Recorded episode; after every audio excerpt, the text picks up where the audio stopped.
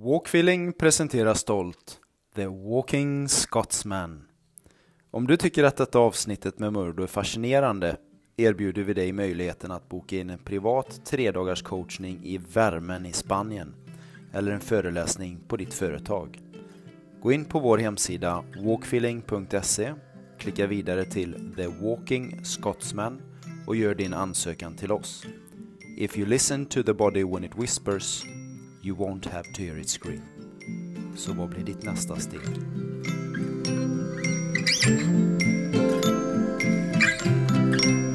Hej och välkommen till For Health med Anna Sparre. Idag pratar vi om relationen mellan stress och rörelse. Hur du med enkla vardagsrörelser minskar din stress. Hur manifesterar sig stress i kroppen? Vad är kopplingen mellan stress och rörelse? Vad i ditt rörelsemönster skapar stress? Vad kan du göra för att motverka stress med ditt rörelsemönster? Vad är kopplingen mellan det psykologiska och fysiologiska när det kommer till stress? Det här är en intervju med Murdo Mackay, en före detta väldigt känd fotbollsagent från Skottland som idag arbetar med walkfeeling och runfeeling. I början av avsnittet så pratar vi också en del om Murdos egen resa, bland annat när det kommer till hur han gått från skador och verk till rörelsefrihet. I den här versionen av intervjun finns det svenska sammanfattningar. Vill du hellre lyssna på den helengelska intervjun utan översättningar så lyssna på avsnitt 244b. Om du gillar den här intervjun så blir jag så glad om du vill dela med dig av den på Facebook eller Instagram och tipsa en vän. Gå också in i iTunes och lämna en recension. Det gör det lättare för mig att få hit intressanta intervjupersoner. Tack på förhand! Glöm inte att ladda ner mina e-böcker via fliken Böcker på forhealth.se och att boka mig som föreläsare till ditt event.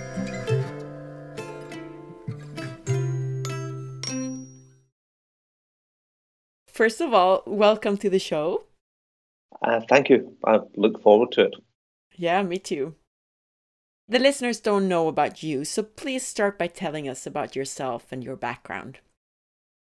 Yeah, I was I was brought up in uh, my family initially came from the island of Lewis. Um, I speak Gaelic, which is unusual in Scotland, um, and they moved to Glasgow, which back then was a much greyer and more industrial city, um, and uh, it wasn't an easy upbringing.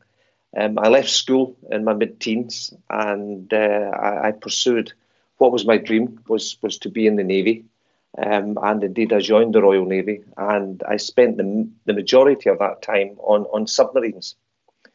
Uh, I was there seven years, and leaving the navy, I embarked on a career in sales. I can always remember the first job was commission only, and my first wage I only earned one pound thirty. oh. So so it was it was quite a baptism of fire. Um, and I, I, stayed in sales for quite a period of time. Um, and then I'd always had a great passion as a child. We we played. I've got three brothers, um, and we played in the the street uh, in Glasgow with a tennis ball or anything that would was round and we could kick. Um, so I always had a passion for football, and uh, I got involved in football um, as an agent. Uh, I was one of the first to be licensed eventually, and I looked after, and that was a career uh, which I spent the majority of my time involved in football. I also went and got my coaching licenses, and I was involved in the, the, the game for quite quite a long period of time, and uh, I eventually my career in terms of I ended up uh, as a director of football. I was an agent, and uh, that was my career ostensibly. Um, and now um, I came across where Tommy is. Uh, I ended up in Spain, and I met Tommy. Um, and the past years I've worked uh, pretty much with people. Uh, I did it for free initially. I worked with people who um, had issues or personal issues and I started to learn more and more. And as I say, I met Tommy, and that's when I first came across what Tommy does and movement and and uh, walk feeling. Uh, personally, uh, there was a phrase I coined at the time, where I, if your body, if you listen to your body when it whispers, you won't have to hear it scream. And I didn't listen to my body when it whispered uh, because uh, in my life I, I broke both legs. I've broken my nose a dozen times. I've broken ribs, wrist, um, and nearly died uh, on, on, two different occasions. So I didn't really treat my body with the respect it deserved. And uh, when I met Tommy, that was my focus. I started to respect it a lot more. You told me you were working with persons with personal issues. How did you do that? Well, it came it came by accident. I had a German girlfriend at the time, a lovely lady called Katja. She ended up saving my life. Um, she she was involved in something which I, I, probably regarded at the time as being a bit ooby gooby and not something I'd personally come across in my life. But it was involved uh, the analysis of mind, and at that time, um, I was very sceptical about what she did or what she was involved in. But I picked up a, a book by a guy, and I I read it. Um, she'd asked me to read it many times, and I was a bit stubborn. Um, and when I read it, I was quite taken by what it said. And I'd had quite a troubled time prior to being in Spain. I went through a very, very tough personal experience.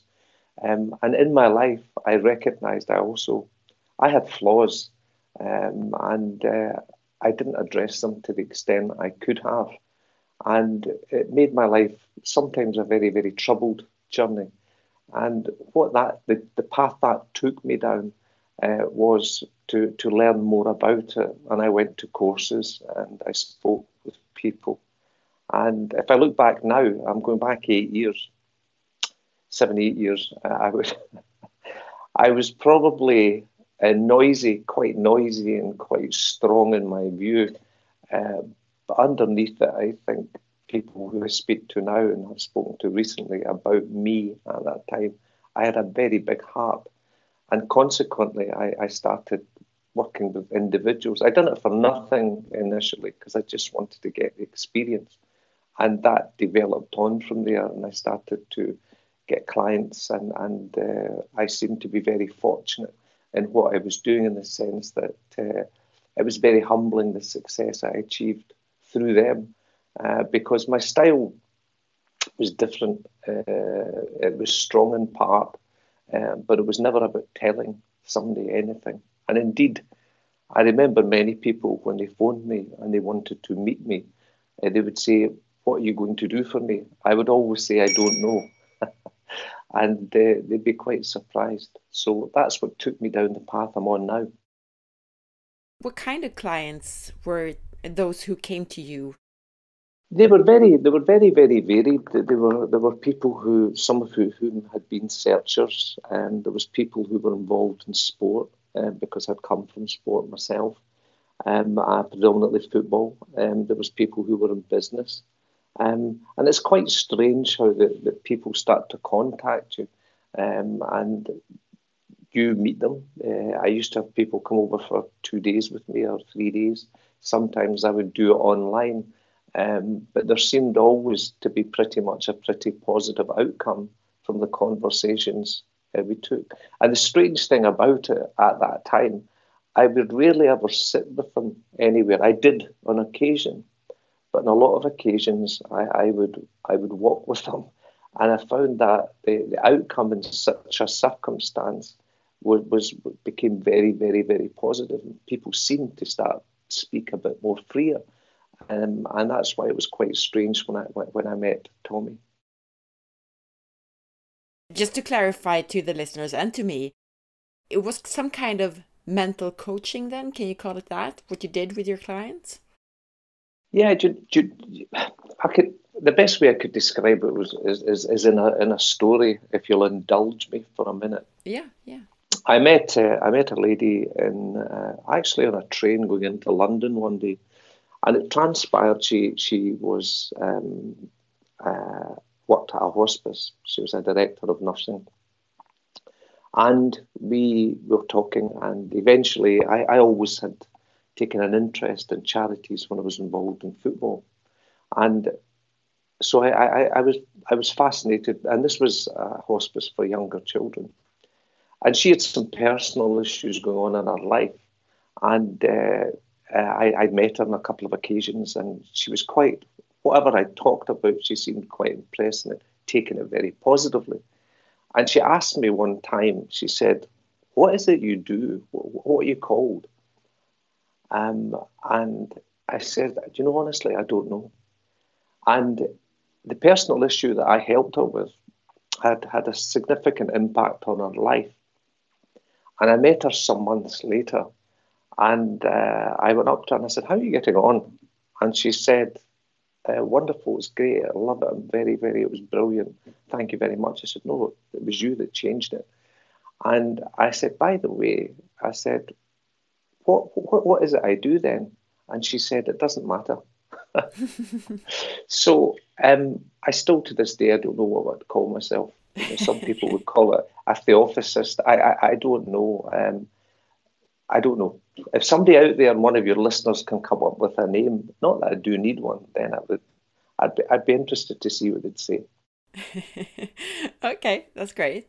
And then you met Tommy, and you had already noticed that you, if you walked with your clients, you you it, it was a good experience for them. So, what happened then when you were introduced to walk feeling and run feeling? Yeah, it was. Um, I have always kept myself fit. Um, I, you know, I still to this day. Um, I, I'm I'm 64, and I still go to the, the gym every second day, run every second morning. And when I run, I mean I run. I run quite fast. And at the time, I'd always because I had the injuries, broken leg, bad back. Um, I on one occasion, um, I nearly I nearly lost everything completely from the neck down. I was nearly quadriplegic. And I had this relationship with my body, which I just didn't respect Anna to the extent that it was the gift it was. And I met Tommy. Tommy had phoned me and said, um, talked to me, and we had quite a lengthy call. Um, and I'd been recommended that you speak to me. And he said, I want to meet you. And this was and I said, when? And he said, I'm coming over on Friday. and uh, I, don't, I don't know if that's a Swedish thing or not, but uh, and and and he did. And I went running with him in the one of the, the first morning he was here, the Saturday morning. And I was going up the stairs, and I always I, I live in a top. I live within a, a golf compound, and I live in the top to top flat. And I, I, always, when I finished my run, I always had pain in my left knee, um, and I kind of it was just part and parcel of what I accepted as me and my relationship with my body. And Tommy said, Is that quite so? And I said, Yeah, it's always like that after I run. Nothing. And he said, I can help you with that. I said, Look, we'll do it later. Don't worry. He said, Well, why can't we do it now? And I went, Oh, okay then. and I went down the stairs um, and he done a couple of things with me and he said, Why don't you try it now? And I did. And I felt nothing. I thought, That is not possible. That is just not possible. I've had this for years. And I went down the stairs, being a skeptical Scotsman. I went down again, and went up again, and I went down again, and I went up. And I thought, oh my goodness, this, that's frightening. And through that, um, I started talking. Tommy had run feeling at the time, and it was predominantly about running. And he had a sense of where he was. Um, but I always remember standing with him on a beach, and I said to him in a quite forthright way, I said, I don't think you really know what all this is and what this can do for people. There's something in this that goes right through my core. And I don't know if you can hear it in my voice now because it, it was just something hit me about it. And he said, What do you mean? And I said, Well, it's like you've got this beautiful bus that can take people anywhere to anywhere they want to go. And you're not getting out the garage. And in fact, the last thing I'd done on the day he left, um, I hugged him and I gave him a key. And I said to him, if you don't use that, send it back. You know, and I meant for him to use to start the bus and get out of the garage. And uh, that's we started talking more. And I said, what about walking? Because a lot of people, everybody walks before they can run. And that's how walk feeling started to develop at that time as an add-on to, to run feeling, which was based on, on the movement. But for me, the experience I had at that time, Anna, was um, I went, went wow. Because I'd experienced so much medically myself, negatively, I thought, oh my God. And I realized at that time that I didn't appreciate my body for the gift it was. And I wasn't working with my body, I was working against it, which is absolutely bizarre. You said he did some things with me and then I felt no pain. So, what did he do? I mean, give us some examples of, of what you did together, you and Tommy. Yeah, I'd love to tell you it was something that was hugely significant. It basically, Anna, involved um, uh, the, where my feet were on the ground. It involved in me loosening and being more aware of, of movement in my knee. He did a couple of exercises with my knee and uh, with my foot. He got me to relax my foot more.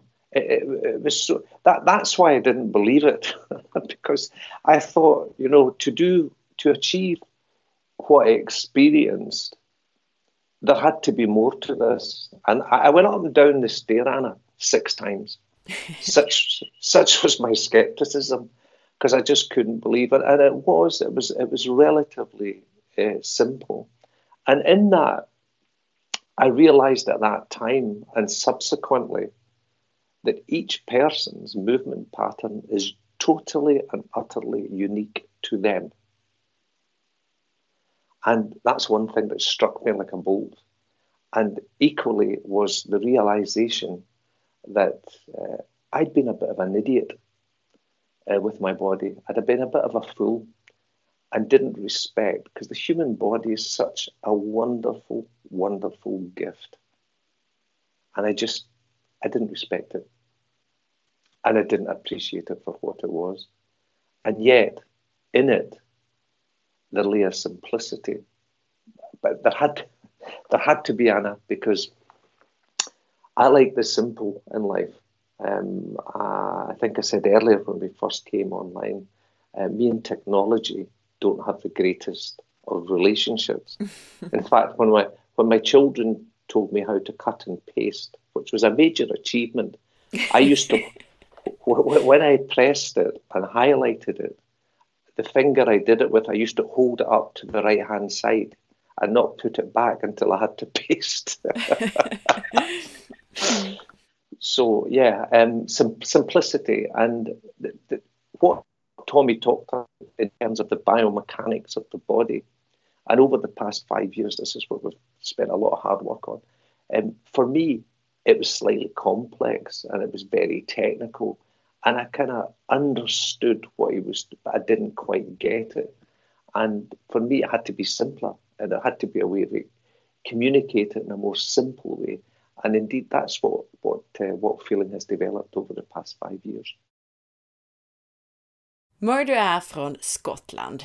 Hans karriär har tidigare varit inom fotboll där han har varit en väldigt framgångsrik och känd fotbollsagent.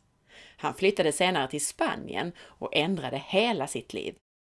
Han började arbeta med människor med personliga problem efter att ha gjort en egen personlig resa. Murdo har alltid tränat mycket. Han berättar hur han tidigare i livet inte lyssnat på sin kropp och inte respekterat den. Han arbetade inte med sin kropp utan emot den. Murdo arbetar idag med walkfeeling och berättar att när han mötte Tommy Olausson första gången så hade han alltid värk i vänster knä efter att han varit ute och sprungit. Tommy gjorde ett par övningar med Murdo och värken var helt borta. Det Tommy uppmärksammade Murder på var i huvudsak hur hans fötter kom i kontakt med underlaget, att vara mer avslappnad, framförallt i fötterna, och att vara mer medveten om rörelsen i knäet. And we're gonna talk about stress today. And I think what you've just said is so important for that, you know, about listening to your body and actually appreciating it. I have a lot of clients who are stressed and fatigued, and usually they have heard that training is very good you should train so they run and they they step on the treadmill and they push and push and they have a lot of pain and I think most of them would actually feel better about slowing down, but uh, they never listen to their bodies. They just, you know, they just heard that training is good and then they go for it. No pain, no gain, sort of. So I think it's very significant what you said. Yeah, I think um, if you, I always remember when I, I, I trained, I, I, I done a bit of boxing at one time. I had a tremendous amount of energy, Anna. And I always remember working with a guy called Johnny Gilmore, a lovely man. And uh, he, he always used to say to me, no pain, no gain. And indeed, when I used to do ab- abdominal core exercises, he used to drop an eight kilo ball in my stomach. and I, th- I think I think back to it, um, and if somebody said, you know, it's, it's about the pain to get the gain, hold your hand up. I would hold my hand up to that then, but I wouldn't now. And I'll tell you for an example this morning. Uh, I was in the gymnasium this morning and I do a session for an hour um, and, and I, I push myself. But I, I always check the foot position. I'm always respectful of where my body is relative to what I'm doing. I'm very conscious and aware of it, and it's now become a habit. But the one thing I do every time I finish, whether I finish a run or a training session, I, I know it might sound weird to your listeners, but I, I speak to my body and I say, hey guys, thanks, thanks, I appreciate it. And uh, because I believe you get so much more back from your body than you could ever, ever give it. And, and where, if you imagine where people get stress or tension, if you're tensing a muscle, is it not like when you're, if you imagine a, a hose in a garden, is it not like when you put your finger and thumb? I don't know if you ever done it when you were young, Hannah. When somebody, Anna, when somebody was spraying the garden, and you'd creep up behind them and you would press the hose so the water didn't come out so well. Well, is tension and stress not just the exact same in the body when we're doing that? We're stopping the flow of the water. And it's very similar like a straw in a drink of water. If you're drinking straight and the straw's straight, you're getting all the water you want. But if you bend that straw, put your thumb and finger on it, even the slightest pressure, you're reducing the quantum of what you get. And I think there is a thing in, in life with people where stress, stress and tension, stress is acknowledged and its existence is very much talked about. But is it the same about tension? And do people understand the difference between tension and stress and how fundamental tension is to the creation of what we perceive as stress? När det gäller stress och rörelse så har många med stress och utmattningssyndrom bara lärt sig att träning är bra. Överlag är det inställningen att ju mer, desto bättre. No pain, no gain och så vidare. Men det viktiga här handlar om att lyssna på sin kropp. Att vara väldigt medveten om sin kropp och hur den är positionerad, hur det känns i den här och nu. Murdo jämför stress och spänningar i kroppen med att stoppa flödet av vatten i en vattenslang. Murdo betonar hur viktigt spänningar i kroppen är för att skapa det som vi uppfattar som stress. But in your experience, what's the general understanding about the reason behind stress? So, what do people think about the reason? What do people think about the reason? I think, think, think is the word that springs to mind think. Um, I, I, I, think uh, on a lot of occasions that people maybe could stress and tensions created uh, in different examples in people. People have expectation about something, so that they put pressure on themselves because of that expectation. Could the experience be different if we had confidence, not expectation? You know, people hope in a situation. They hope something happens. It's a pressure. They feel like, I hope it happens. I really, really hope it happens. If they had a belief in what happens, would it be easier on them? And, and if people could, eh, could maybe think and say, many, many people believe they can influence an outcome, which is very true. You can influence an outcome. But could it be that you would struggle if you thought you could control it? And I think often in life, people have a sense of they have to control outcomes. And whilst they can influence it, which is absolutely correct, you'll not control it because there's so many other factors involved in it. And I think that's where people put a lot of pressure on themselves. And I think I use a lot, and many of the people, many, many, many clients, um, there's many testimonials on, on the website um, that I've met. Generally, and I would always say in anything I'm saying today, it's my personal view. The listener can draw any conclusion they wish, but it's my view um, as a personal view. In that, when people come across something they experience, I always say to a lot of people I meet, because they're pretty stressed. I've met journalists, I've met business people, I've met famous people, and they're really, really stressed.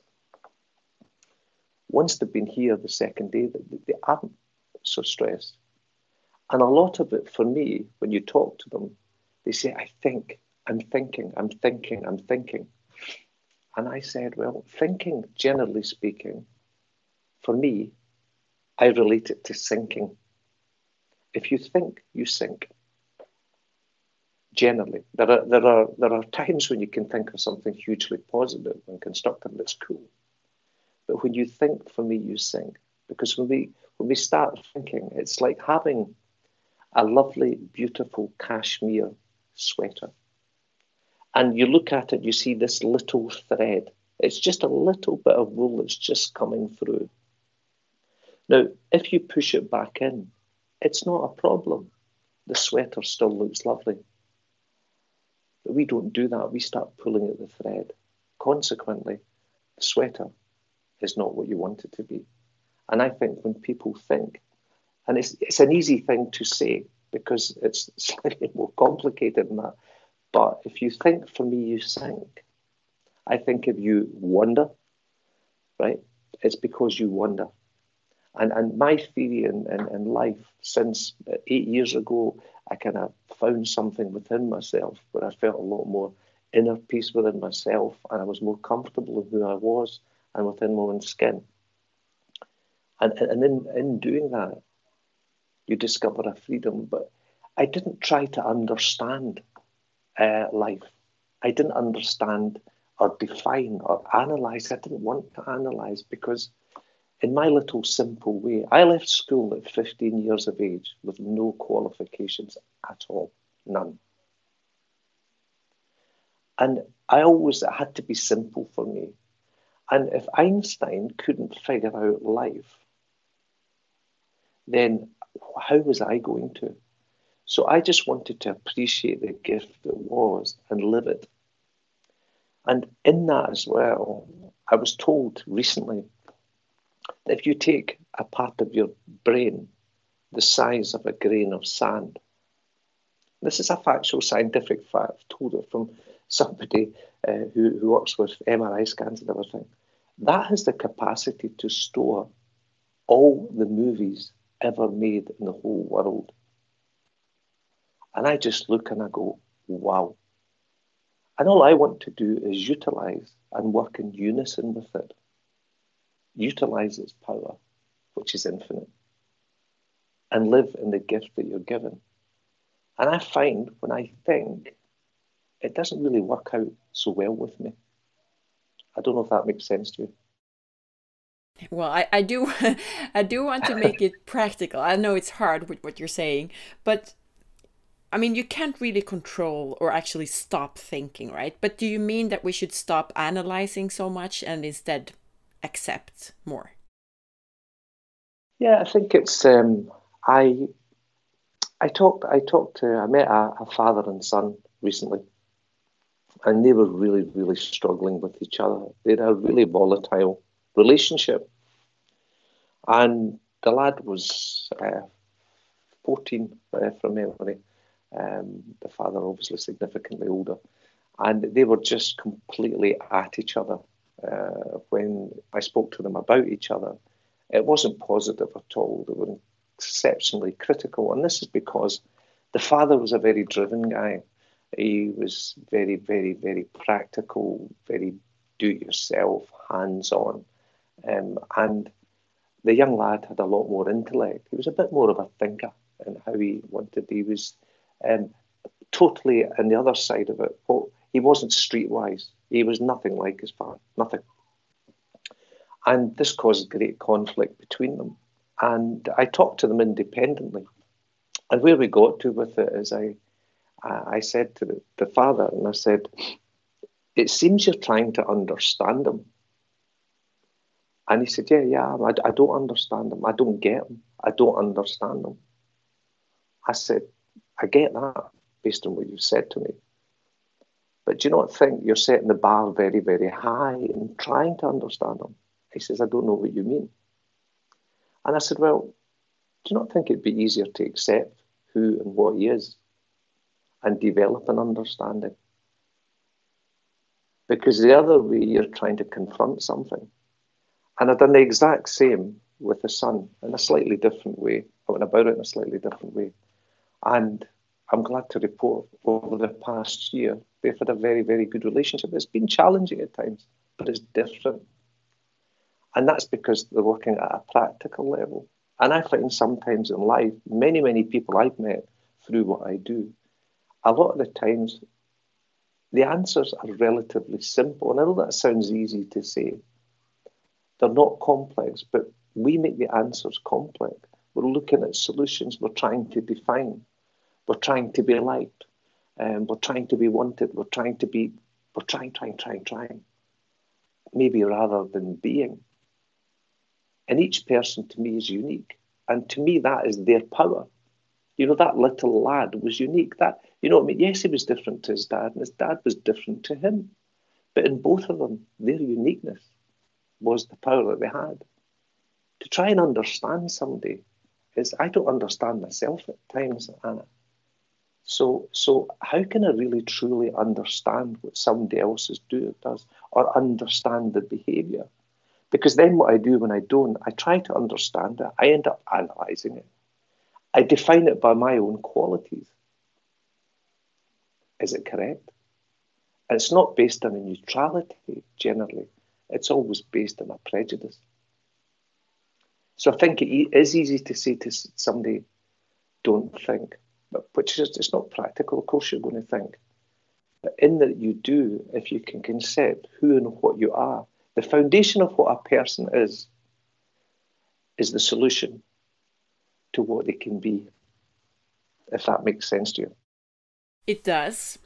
But I would still like to try to summarize, sort of, because my quest my question was the reason behind stress, what what people generally think, and and then I think we got into what you think about it. And if I understand you correctly, it's sort of going from, I mean, the, the stressful situation would be control, expectations, uh, thinking, yes. analyzing, and so on. That would give you stress. But then instead, going towards acceptance, confidence, hope, intentions, maybe more than expectations, and making things simple.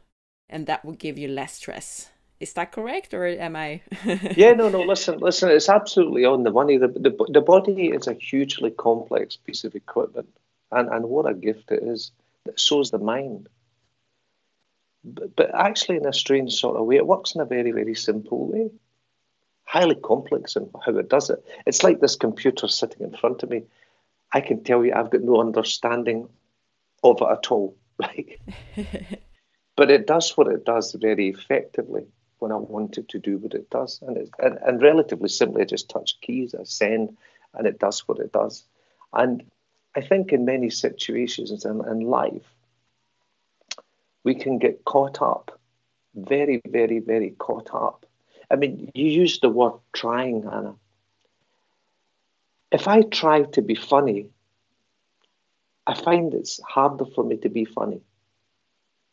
If I try to be liked, I find I'm maybe not liked as much as I would be. Mm. The, the pressure I then put on myself, which creates the tension we referred to earlier, is based on the fact that I want you to like me. As an example, that's a pressure society puts on us. I want you, Anna Sparrer, to like me. I, I, a, I like to be liked. I, I, I want to be liked. But yeah, if I turn around and said, or you said to me, I like you, Murdo, I wouldn't believe you. There's such contradictions. So, what I certainly, in my experience, uh, when people are with me, they start to experience more of a freedom in themselves. But the foundation is based on how we experience life. That's up to us. That's our responsibility. Maybe some people don't like that. But is it not factually the case?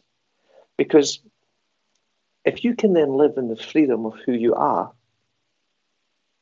is that going to make your life easier or more challenging? Which do you think? Easier. Yeah, I would agree with you. So if you then turn around and say, if, if I, Murdo, live in the freedom of who I am, and it's not perfect, Hannah. I can tell you I'm not perfect. I had I went through a lot of crap in my life and I didn't enjoy the experience but it made me what I am now. It helped me be what I am. I don't want to look back at what happened because there's many aspects of it, Anna, would, would probably bring tears to my eyes. They would remind me of pain. So I, I don't want to live in the past. For me, it's a place of reference. I don't want to deny it because that would be foolish as well. But it's a place of reference, not a place of residence for me. I, I can influence tomorrow. I can do nothing about yesterday. And to live in the freedom of who you are as a person, and I'm not perfect, but I don't mind who I am, then I believe I acknowledge the gift I've been given, which is unique to me. I mean, have you ever met an Anna in all your travels? no, never. No, there you go. And, and listen, it's the exact same with movement. It's the exact same with movement physiological, psychological. The two words, even if you talk about simplicity, Anna, we talk about two words there physiological, psychological. It's totally logical because it's simple. How we live it and how we choose to experience it isn't particularly logical. And again, a lot of people take the responsibility of that on themselves. And that's not fair neither, because many I, I had a pretty tough upbringing and it affected my life for sure. So there was things in me that were nurtured. They didn't really they weren't really mine. The natural aspect of who you are is where you find your freedom. And that sounds so simple, but I believe it to be true. Yes. Vad tror vi i allmänhet om orsakerna till stress? Murdo betonar att vi tänker. Vi har förväntningar på oss själva och sätter därmed också press på oss själva. Skulle upplevelsen kunna vara annorlunda om vi hade förtroende och tillit istället för förväntningar? Skulle det vara enklare om vi hade tilltro i olika situationer istället för hopp och förväntningar som leder till press? Vi kan påverka situationer, men att tro att vi kan kontrollera situationer leder till kamp och press. Murdo berättar hur de flesta av hans stressade klienter börjar sina meningar med I'm thinking, I think, det vill säga jag tänker eller jag tror. Murder säger If you think, you sink. Om du tänker så sjunker du. Vad han menar är givetvis inte alla tankar, det finns konstruktiva tankar. Men han menar att vi inte behöver försöka förstå och analysera varje situation. Att istället leva och uppskatta livet som den gåva det är. Vi pratar om att acceptera istället för att analysera och försöka förstå precis allt. Istället för att försöka hålla saker enkla så gör vi saker komplicerade och komplexa. Vi försöker definiera saker och hitta lösningar på allt. Vi försöker väldigt mycket. Vi försöker vara populära och uppskattade. Vi försöker förstå allt och alla. Vi försöker så mycket istället för att bara vara. Murdo drar en parallell till att om vi försöker vara roliga så är vi i regel inte så roliga. Och om vi försöker bli omtyckta så är det kanske inte heller den bästa strategin för att bli omtyckt. Murdo uttrycker det som to live in the freedom of who we are. Han beskriver hur vi är unika som personer och sen att det är samma sak med rörelse. Vi är unika. Både fysiologiskt och psykologiskt är vi unika. And now you got into the movement part. Mm-hmm. The consequence of stress. How does stress manifest itself in the body? And now I'm talking physiology. How does it manifest itself? Quite simply, tension. Tension in the body. Um, if you if you watch a person walking, and and this is when I worked with Tommy over these past five years. This is six year, is one of the things I said early on, and I remember sitting. We were sitting in Gothenburg, and I said, Tommy, I think where people where people are physiologically, when you watch them, is a manifestation of where they are psychologically. And I don't know if that statement makes sense because, and the examples I'd give you on that, when you watch people where the shoulders, for example, many people, the shoulders are slightly forward. Does that reflect tension in the body? You've got a little thing in your, well, not a little thing, quite, well, it is quite little comparatively speaking to the rest of your body, but you've got a heart in there. Every time you breathe, that's turning, that's twisting up to your body, and it's sending fluid up to your brain. It's the functionality, it's the life. Now, if my shoulders are slightly forward, because I'm slightly tense, because whatever's happened, happened. And remember, when people experience tension regularly, it becomes habitual to them. And it's reflected in the way their body stands, sits, and whatever, and you can see it in their movement. But if I compress the area where the heart is twisting and pushing, do I give it the freedom to operate, Anna? No. That it, yeah, absolutely correct. No, you don't. And if I'm in a situation, if you take your hand and put it out in front of you right now, and then you just leave it and you just kind of hold it up and you just let your fingers relax a little bit. But then just clench it into a fist very gently. What do you start to feel going up your wrist? Well, then there's tension. Okay. And if you watch some people when they walk, I mean, your listeners should do it. If you watch what the hand position is relative to the shoulder, but you watch the hands just the fingers hanging down, or is it slightly clenched into a fist? Again, a reflection of tension. In that, when you see people with their where their shoulders are relative to them just sitting and straight, even the head position, the head's designed to look at your head. If you're six foot two, you know, uh, there's a song in the UK, Look the World Right in the Eye. That's what my father told me when he was about behind. And it's to look the world in the eye and to see where you're going. How many people have got their head down? What creates the head position being down? Why is that? Is that good for the body? Is that a reflection of tension? And if you look at somebody, when we get anybody into the, the centre of the park, every single person's movement pattern is completely and utterly unique to them.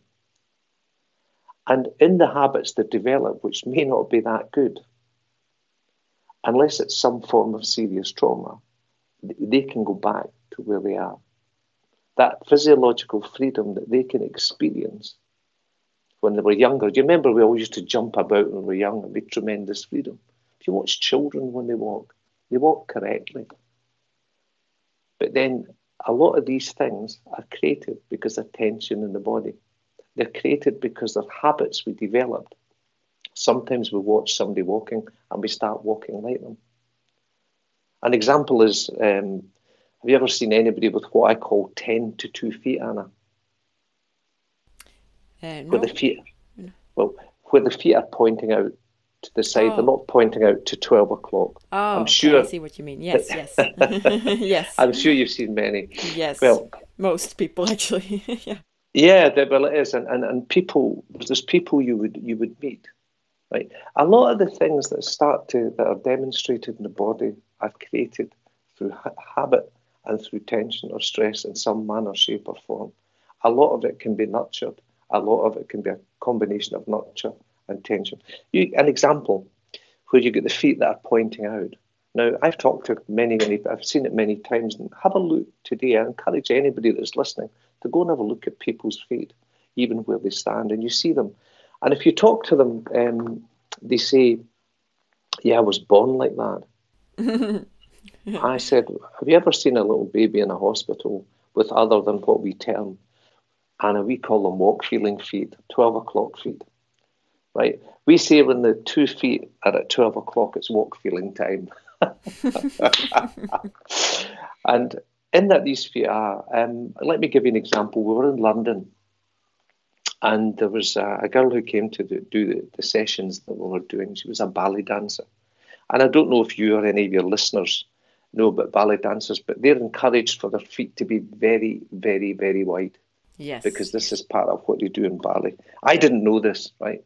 But this this this girl had was in uh, she was a lady. She was in chronic pain with her. Well, you can imagine what it creates.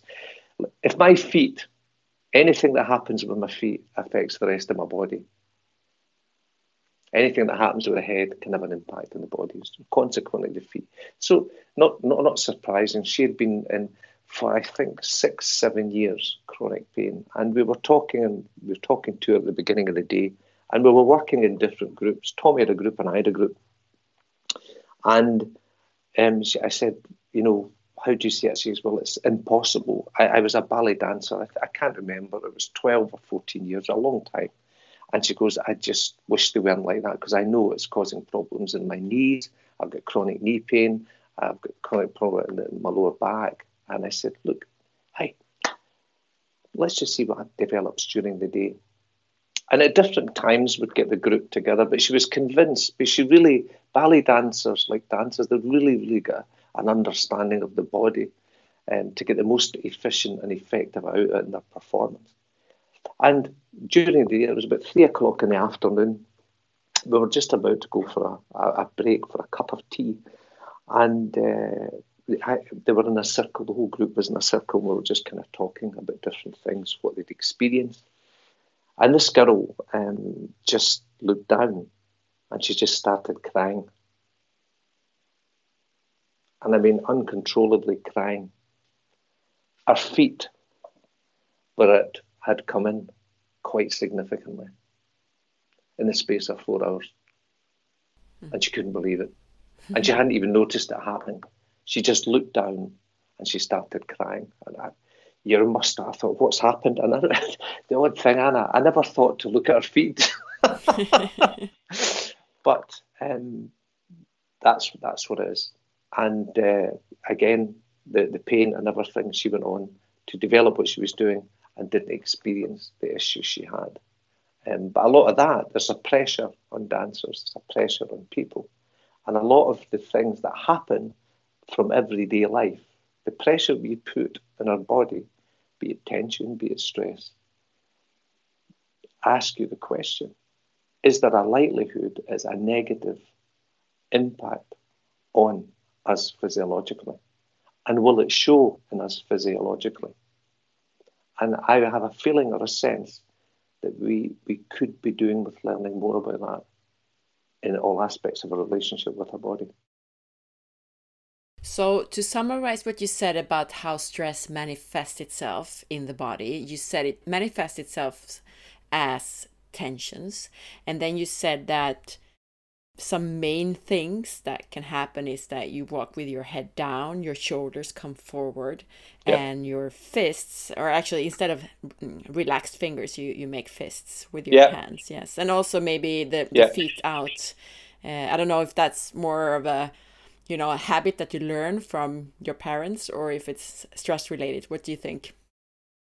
I I I think it, it was some people it's one, but most a lot of people they walk too quickly they overstride, they they walk with straight legs. So if you imagine, if you take and, and, and encourage your listeners to, to, to maybe give this a thought, what to do if they're listening to this and you've got quite a hard floor in the house, which is I don't know what you call these floors on a hardwood floor or something, a wooden floor. What they should do is just walk as they walk normally, as they walk normally to get a bus or the tram and then what to do is just put their fingers in their ears and listen and listen to their body.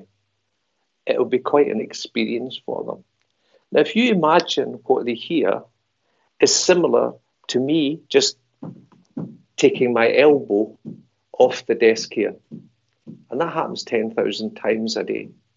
And if they listen to what they hear, they ask themselves the question is that having a positive impact on my body or a negative impact?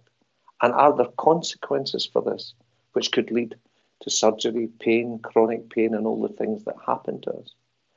And the second thing, the body has a system, an in out system. You know, the, the, they've got the, the healing part gone out and all the, crap being taken away. The, the healing part, it's flowing through the blood. The veins, the traffic is the motorway. Now, if you've got a motorway and there's three lanes on a motorway, right, I don't know if it's happened to you, right? It happens a lot in England, I can tell you. And I'm going along a motorway and I'm enjoying my journey in the car, three hours driving. I'm going to be there in an hour. Then all of a sudden, the three lanes become one. I don't get there as quickly, do I? No.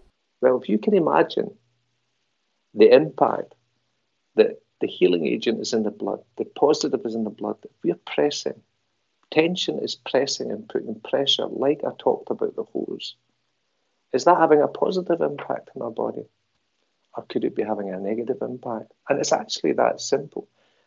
The healing, the flow, the output, the positive aspect the body requires, the nutrients and all the good things it requires to give you what you want, to deliver what you want. Yet, by having tension, that flow is being impacted by that tension. It's exact same as you go outside today and go into the garden and water the flowers. If you press the hose every time you do it, what's going to happen to the flowers? Are they going to grow as quickly? No. And again, the relationship we have with tension, stroke, stress, whatever you want to call it, but tension in the body has quite a significant impact beyond what many, many people understand. And yet, it's a solvable problem. Stress manifesterar sig i kroppen som spänning. Vad människor är fysiologiskt med hur spända de är och så vidare, det är en manifestation av vad de är rent mentalt, psykologiskt. Exempel på detta, personer med axlarna framåt för att de är spända, för att saker hänt. Detta leder i sin tur till att man komprimerar området där hjärtat arbetar och där andningen sker. Hjärtat och det här i det området kan då inte arbeta så fritt som det borde. Många personer går med händerna knutna istället för med helt avslappnade fingrar. Detta reflekterar också spänning. Väldigt många går med huvudet böjt och tittar neråt istället för att titta upp. Barn har en helt annan rörelsefrihet innan de upplevt livets trauman och spänningar och de vanor som vi utvecklar.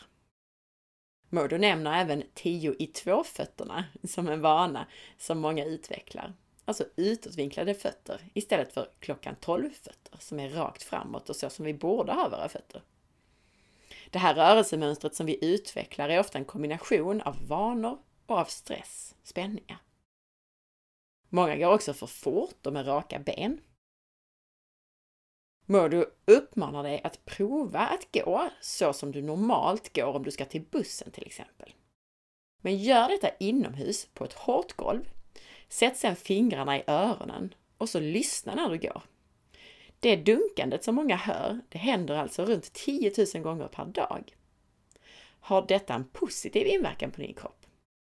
Eller har det här konsekvenser i form av till exempel värk? Tänk också på blodet som ska flöda genom dina ådror för att transportera ämnen dit de behövs. Vad händer om spända muskler stryper det flödet? Yes, and now you've talked about the issues with tension. And we said that stress creates tensions in the body. So, are all tensions created by stress? And is it mostly psychological stress? um, it's a combination of, of factors. One of the things I would say, if, you, if you're walking out, if anybody's walking out in the morning, uh, when I'm in Gothenburg, um, I'm near a park, uh, quite a famous park where the university is, and I go running in the morning. And uh, I'm fortunate in that what I've learned about my relationship with my body and through the work I do, I run, I, I'm running on sponges. I remember walking recently and I was, in fact, running recently, and I was running, and I thought, I must have thicker socks on because my feet felt very spongy. But when I see people running, I enjoy running. I'm smiling. I don't, I'm not fighting my running. But if you go to the park and you look either tonight, this afternoon, or tomorrow, you see people running, they look absolutely in pain. I call it runner's face. I don't know if you imagine the. Can you imagine the face contorted, and they're almost fighting their body? I would just ask people to go and look over the next few days, and, you, and it's, it's almost like a fight going on. It doesn't need to be like that, because we're not being free in where we are, and psychologically, where we are as an individual if we're not living in the freedom of who we are, we feel a pressure within ourselves. There's a pressure in society. There, there, there's a pressure on us. We want to be loved. We want to be liked. And we believe it's hugely, hugely important. But yet, being in the freedom of who you are, it, it's the, link between the two are, are unbelievable. When you see people run, they run with a freedom. When you see, see somebody walking, you can get a very clear picture of where they are. Somebody, how many people walk with their eyes down? Now, if you keep walking with your eyes down, eventually the head will start going down. It's the same as when you people cross their legs when they sit down. It's not good for you. But what eventually happens, because you're doing it, the brain says, oh, this must be happening. So it actually tilts the pelvis and moves it which has an effect on the lower part of your back, which is not positive. Just a simple thing like crossing your legs, not being relaxed in who you are. And if you think, Anna, when you feel relaxed, right, you just feel, yeah, that just feels so relaxed. That's your natural state. You didn't have to try and be relaxed, did you? No. It was just you being relaxed. So is that not a clue to us as individuals. There is, there's not some huge barrier there. It's not something we, that's highly complex that we have to learn. Yes, it's challenging to come away from habits. People have challenges in their life that are mentally challenging and they have an impact on them. But how they handle it is how much of an impact it can be. And people can live a freedom in who they are. And to me, it's based on a belief. If you take the word belief, be life. In fact, there's a great Beatles song, Let It Be. And I don't think often enough we let our body be, we let ourselves be. Whether we're right or wrong in what we do, that's not the issue. I mean, I would ban the word mistake. I would say mistakes shouldn't exist. I would call it purely experience and learning. And I think that pressure we feel as individuals makes us psychologically restricted and has physiological consequences. And I've believed that. I'm not an educated man, Anna. I've believed that for some years. And and the answer, right? Yes, you've got to come away. It's like somebody who says uh, is an alcoholic, and they say they've made the decision, the hugely positive decision, to stop drinking because of the impact it's had in their life negatively. It just doesn't change like that in a moment, and then all of a sudden they're fine. Yeah, of course, there's challenges getting rid of a habit. People who are on this or listen to your listeners who have had to give up chocolate. I like a bar of chocolate, Anna. or had to give up alcohol or had to give up something that they enjoy. It's not easy, of course it's not. But it's just changing a habit.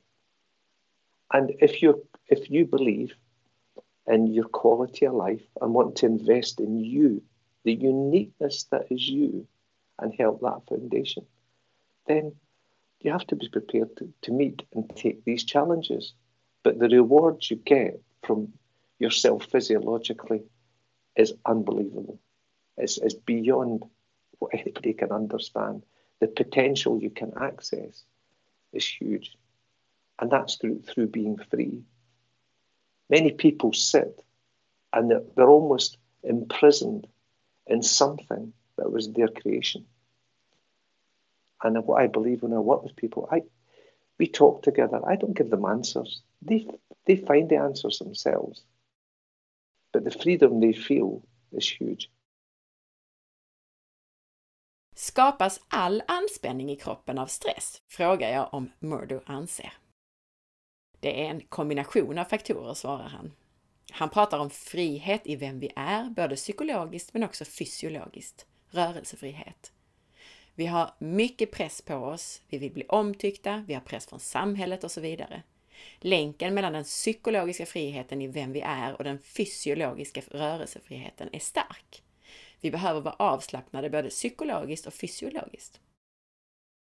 Den press vi känner gör oss psykologiskt begränsade och det har fysiologiska konsekvenser i våra kroppar. Murdo tar vid ett tillfälle upp löpning och beskriver det som att det känns som om han springer på tvättsvampar eller med väldigt tjocka strumpor när han springer. Det känns mjukt. Han uppskattar att springa, han kämpar inte. Men de flesta som springer har ett så kallat runners face, där de verkligen kämpar. My next couple of questions were regarding stress and movement, and I think we already got into that. But can you please summarize anyway how movement can stress us? Yeah, um, very, very simply, moving too fast, moving in, in, a, in an improper way. I mean, when you're walking fast, for example, I'm in a hurry, right? I'm in a hurry. I had a situation with, with, with someone in London, and he was actually a, a psychologist. And he came and we spoke to him, and he used to he just used to run about and his kids you know uh, used to hear him over the house. And uh, he worked in his movement and he, he slowed down a bit. One of the interesting things he said he says i used to buy a newspaper from this news agent i have done for 10 11 years when i went to get the the, the tube into work. And he says I found that I started talking to the guy and I realized I'd never known really known his name in all that time. I started talking to people at the, the tube station and started, I met some lovely, lovely, lovely people. And my kids used to say to me, Dad, we don't hear you going about the house anymore. Which, in some ways, for them wasn't a good thing because they, they couldn't hear him coming if they were doing something that wasn't correct. And um, slowing down is, is, is quite important because the basis of your movement, and, and that's where stress, the tension, I need to get there, I need to be there, I need to catch this tube, I need to catch this. So we start moving fresh. So this tension and stress is in the body. When we start to relax in the body, we start to move more freely in where and how we are. And as a consequence of that, um, there was an example of uh, somebody where I went walking with them, and we were walking in an area where there was um, where, where this person lived.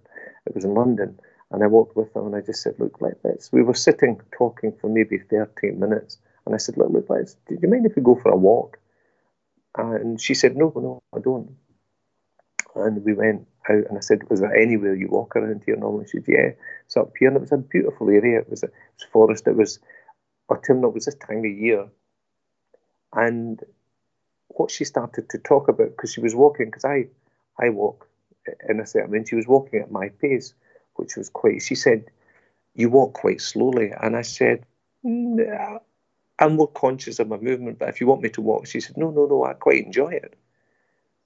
And then as we walked a bit more, she said, I feel different. And I said, Oh, what do you mean you feel different? Explain. Because I kind of feel more relaxed. And uh, we went on a bit more, and then she, she actually stopped at one point and she just said, I've walked here for nine years. And I've never ever seen that thing up there.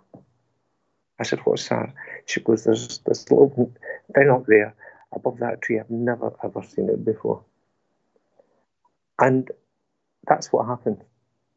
You start to live with other people, connect with other people, and you're more aware of who and what you're doing. Because when we're stressed, generally the head is the habit of coming down. We're not interested in anybody else, Anna. We're not interested who's walking in the street to the left of us, to the right of us. We're not interested in the person. We're just going somewhere. So we're kind of missing in life a little bit. That's a personal view because um, for me, there's a lot of learning. I've met I, the people I've met in my life. I've had the education from through learning and through meeting people. When I run in Gothenburg every morning, I say hello to everybody. I found it. I found it quite strange in Sweden initially, because people were, "Are you speaking to me?" They were almost, "Oh, oh why are you talking to me?" And then all of a sudden, you would get a smile, and you could see them going. And what happens when you're not walking faster? Stress and tension in the body is one of the major contributing factors to most of the issue we experience that lead us to going into and seeing physiotherapists, osteopaths, chiropractors, indeed lead us to having to go to see a doctor and surgeon, orthopedic surgeon, etc. And it needn't be that way. It needn't be that way. If we can manage our lives and take an approach and recognize, and it doesn't matter if somebody has developed bad habits, that can be resolved. That's what we do with people.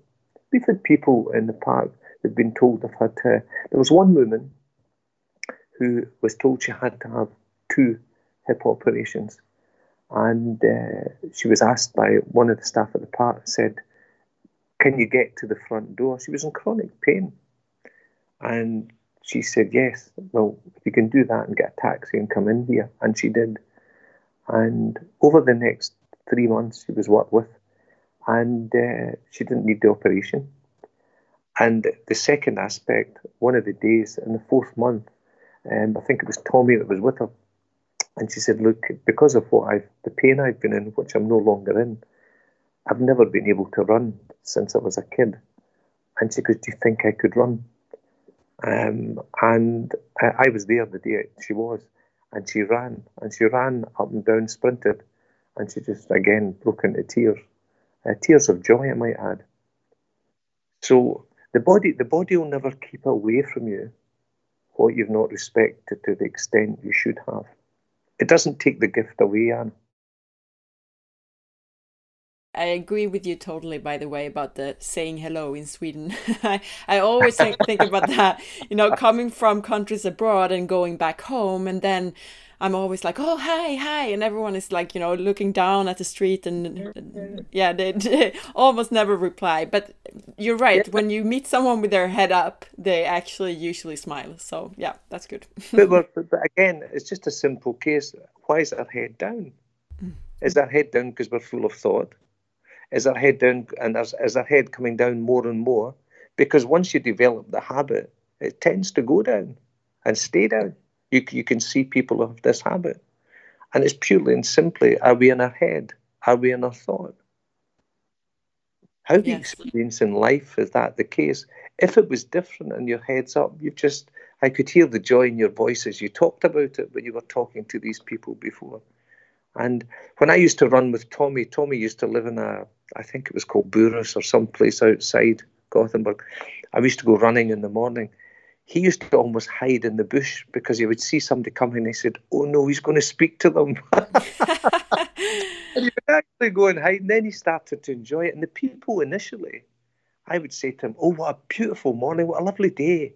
And they would, they would be shocked initially. And then all of a sudden, they would smile and they, you could see that wee bit afterwards. I said to Tommy, go look at them now.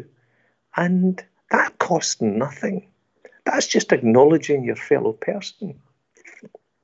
And I found many in my learning in life. My learning's been in life. You know, I'm not advocating people shouldn't read books, but I'm different in that regard. And I apologise to those of intellect who are listening. But if you gave me 250 books, and, I, and, and there's a lot to be learned books, by the way, completely. My brother's a writer. I would make two chairs so I could sit beside people and talk to them. Hur kan rörelse stressa oss? Att röra sig för fort eller att röra sig felaktigt kan stressa oss. När vi går långsammare så är det lättare att slappna av i kroppen och då rör vi oss friare, vilket i sin tur gör oss mer medvetna om oss själva, om omgivningen och kan få oss att ha mer kontakt med vår omgivning och människor runt oss. Murder betonar också igen vikten av att inte titta ner utan att titta upp på vår omgivning och dit vi är på väg. I wanted to ask you how we can counteract stress through movement, but I think you already started to talk about that in your example with that woman in the park. Yep. As you walked slower with her, she actually started to relax and feel relaxed. Yep. But are there any other practical tips on how we can use movement to counteract stress? Yeah, listen, there, there's many. Walk. Just take a walk with someone. Go and walk and walk beside someone. Don't walk ahead of them. Don't walk behind them. Walk beside them. And listen to them. Listen to them. Don't listen to reply, listen to understand. Share with them. And you'll feel a joy in how you're walking. And you'll naturally just start to slow down. I never told that lady to slow down. She started doing it herself eventually. And many, many people would come into the park. I, I swear, some of them, uh, their walking's like running. But all of a sudden, when you start to walk and talk, the French say marcher parler you walk and you talk, you relax. Walking with someone's a joy. If you just think for a moment, Anna, in your head, think of a situation recently where you walked beside somebody and you had a lovely, lovely conversation. Can you remember it? Yes, yes. Did you walk quickly? No. There you go. Hmm. There's a big clue in life. Life gives us all these clues all the time. And where people have developed bad habits, where their movement's are a bit broken or, or dysfunctional or could lead to chronic problems, that's where we at Walk Feeling we work with people. We come in and each person is totally unique and then we work with their movement pattern. And that's why Walk Feeling is not a technique. It's not like uh, there's various techniques. Walk Feeling is unique to you. It's an Asparas technique. It's each one of your listener, whatever their name is right now, is their technique. And it's unique to them. All we ask is they enjoy the gift that they've discovered. But there still seem to be some general things. Like you said, for example, there are some general things in stressed people that they're walking with their fists uh, a bit tight and their head down and so on. So if there's a person listening to this and they're out walking on their own. They don't have a have anyone to walk beside. Yeah. Are there any practical tips that they can start thinking about? Yeah. Any movements that could bring their stress down, so to speak? Well, one of the things is if, if they if they forget about the stress for a minute and they're on their own, and imagine you're just out in a park, of which uh, Sweden's a beautiful country. I, I, I live in Spain, so I I end, I miss the green and the smell of the green. But to stand there for an example, let your shoulders and head relax. just let them relax a little. bit. Let your hands hang down. Just feel your fingers wobble a bit. Also, just be conscious of your feet as you are walking. You're not there to hammer into the ground. Let your feet and knees and ankles relax a bit. Let it become softer. If you ever watch an elephant, it's a huge animal, Anna. If you ever watch it walk, it's the most incredible. You can't hear it because yeah, no, the they're, they're actually they're they're walking very softly. That's true. But why? But why? Why is that? Because it's an effect of nature. The reason, historically, why, why we didn't want to walk hard was prehistoric man as we developed as a human. Then they they didn't have shoes, so they walked. So they were very gentle on their feet. One, they didn't want to damage them if they stood in something sharp, and secondly, they didn't want predators to hear them. And if you actually watch a child walking, they're using the knees more to lift. We start getting stiff knees because they're not lifting as much as they should. How much of your foot is hitting the ground? Is it the side, the front, the top? It's the whole foot that wants to hit the ground to give you the experience of being connected to the earth you're walking on. So to relax within yourself, in the head and the shoulders, look ahead, look ahead of yourself experience the world around you. That's why you are allowed to see. Put your head down slightly. You're inhibiting the extent of what you can see. And another thing is your breathing. Slow your breathing to relax. Many people they breathe up through the chest and they're up there. Just every so often, just stop. And as if you're holding a rose in your hand, take a very, very deep breath. And you'll feel it coming from lower down. That's where we should be breathing from. And just to relax in your breathing. And they're, they're very, very, very small tips that people have. But where people have developed bad habits, they can be, we can work with any individual from 90, we've worked with people of 90, and we've worked with a child who was 13 had a very, very bad brain operation, and his father took him everywhere to get it solved. And he came to us, and uh, I think we were probably last in the list. Well, we're W, aren't we? so we're near the end of the alphabet, Anna. And he came in to, to, to, to see us.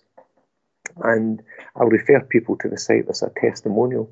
And he was, uh, the first day, he was working with less discomfort than he'd ever experienced in the preceding two and a half years. And the, the biggest, the, the postscript to that story, the little lad has got a quality of life he never enjoyed before and when he was last in the park, eh, his father said, Well, what are you going to do when you're bigger? And he said, I want to be a walk feeling coach. And what a testament to the people that work there in doing that. So it's being relaxed in where you are. It's your breathing when you're out there. Just allow yourself to be just relax The feet, the shoulders and head, and your breathing. And let the shoulders hang down. Just shake your arms a wee bit, just shake yourself loose and just walk. And, and be conscious of as your foot hits the ground. You've got five toes for a reason, a heel and a foot the size it is for a reason. It's all got to hit the ground. Get more into the habit of doing that, and you'll find your experience of walking becomes more enjoyable. And more importantly, just slow down a little bit. Experience what's going on around you. Thank you so much. Så hur motverkar vi och minskar vår stress genom rörelse? Jo, vi går långsammare när vi är på väg någonstans. Men att gå, och gärna att gå bredvid någon, kan minska stress i sig. Att gå bredvid någon och prata med dem kan i sig sakta ner tempot och minska stress. Några tips när du går för att minska din stress, det är att låta axlar, huvud och nacke slappna av. Låt händerna hänga ner avslappnat. Var medveten om dina fötter när du går. De ska inte stampa ner i marken. Utan låt fötter, fotleder, knän slappna av. De ska kännas mjuka. Tänk på hur mjukt och tyst en stor elefant går. Det här är en effekt av naturen. Naturen har utvecklat oss för att gå mjukt, både för att rovdjur inte ska höra oss och för att vi inte ska skada oss på saker på marken. Murder beskriver hur ett barn rör sig och lyfter knäna mer. Vi ska undvika stela knän. Många lyfter inte så mycket som de bör. Och det är det här som handlar om höftböjarna, hur vi använder höften istället för framsida lår som vi har pratat om både med Tommy Olausson och Marcus Greus tidigare. Fundera över också hur mycket av foten som sätts i emot marken. Är det sidan, framdelen eller bakdelen? Det är hela foten som ska sättas i. Titta framåt. Andas djupt ner i magen, inte bara i bröstet. Och andas avslappnat.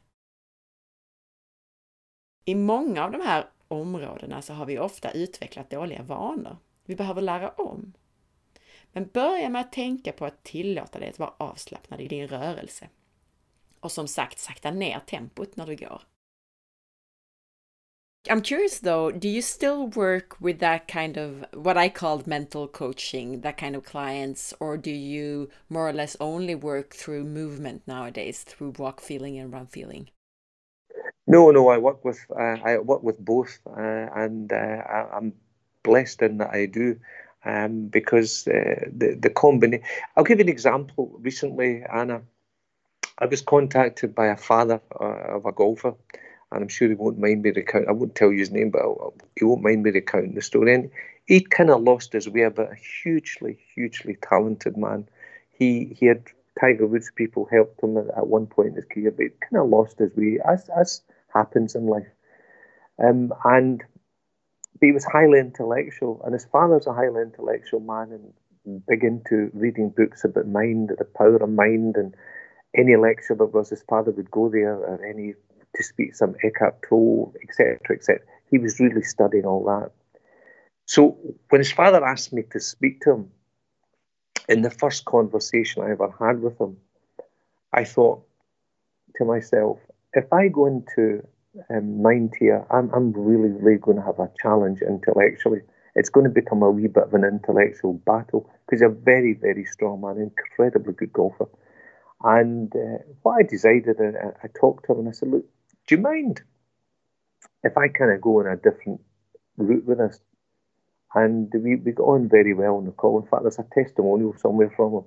And he said, he said, no, no, not at all. I'm, you know, I'm comfortable the way we're engaging. I said, good, good, good.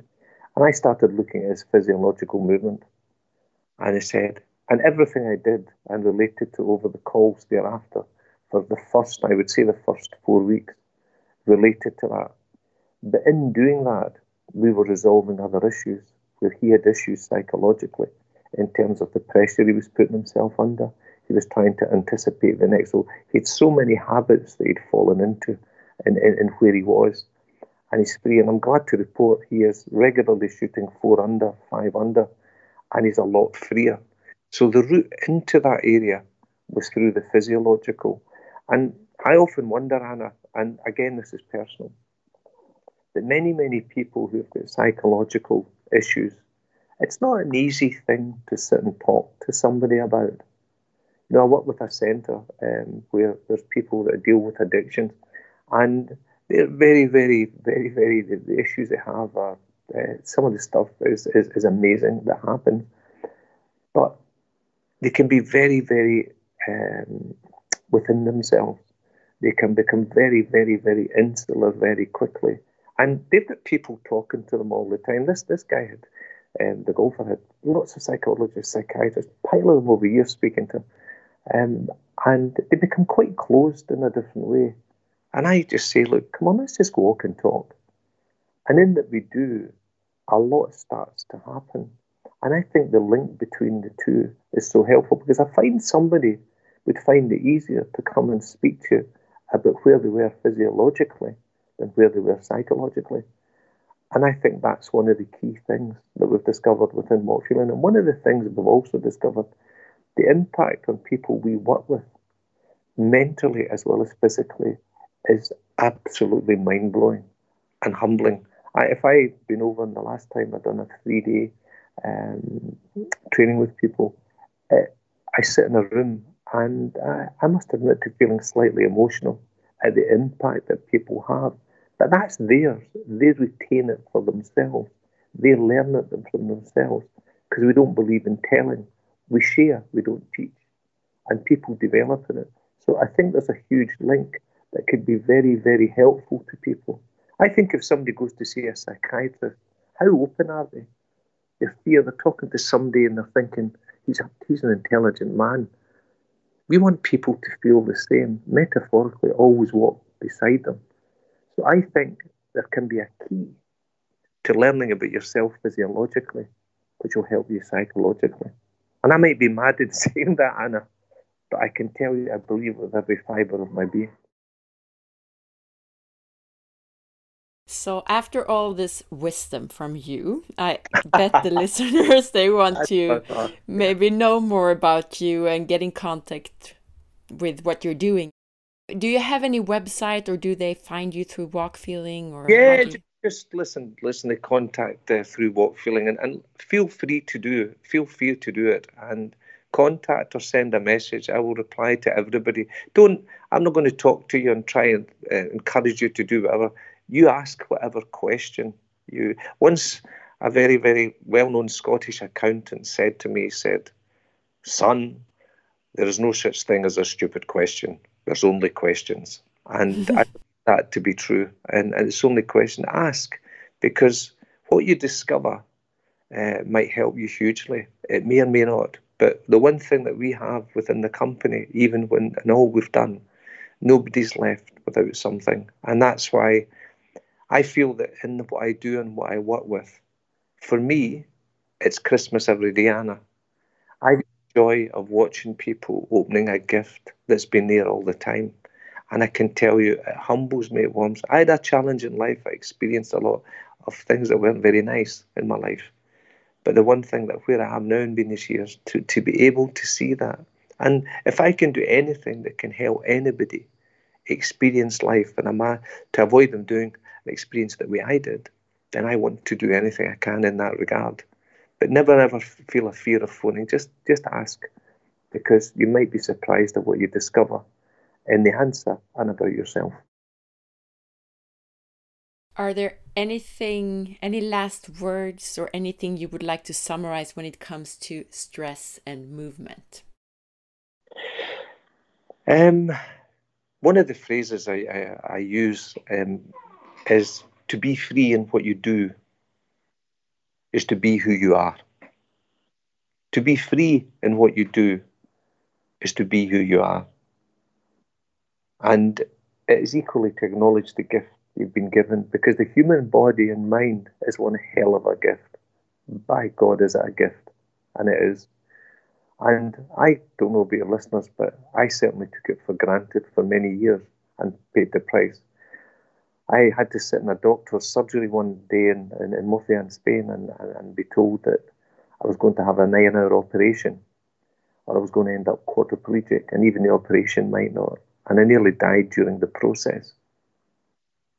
Um, but I came through it and I run and I do what I do because I didn't listen to my body when it whispered, it screamed. And that's happened all too often in my life. And where I was as an individual, I sometimes didn't ask when I should have. And I, I certainly didn't believe in myself or accept myself for who I was. Mistakes and all. And all I can say is, people, be who you are. That uniqueness is your power.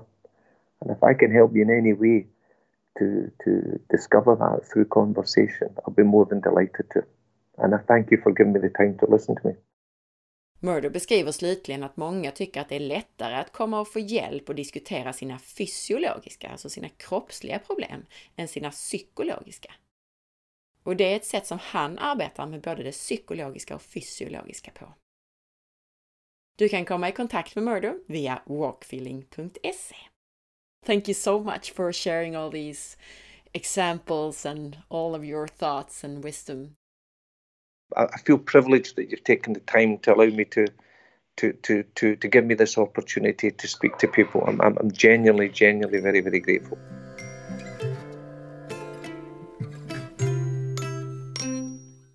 Tack för att du lyssnade. Jag hoppas att du gillade intervjun. Om du gillade podcasten så glöm nu inte att dela den och tipsa andra. Missa inte heller att följa med på facebook.com forhealth.se och på Instagram via asparre.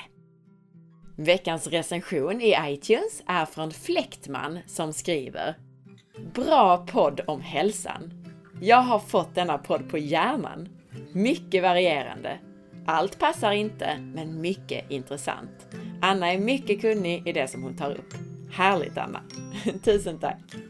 Ha nu en riktigt fin dag så hörs vi snart igen. Hejdå!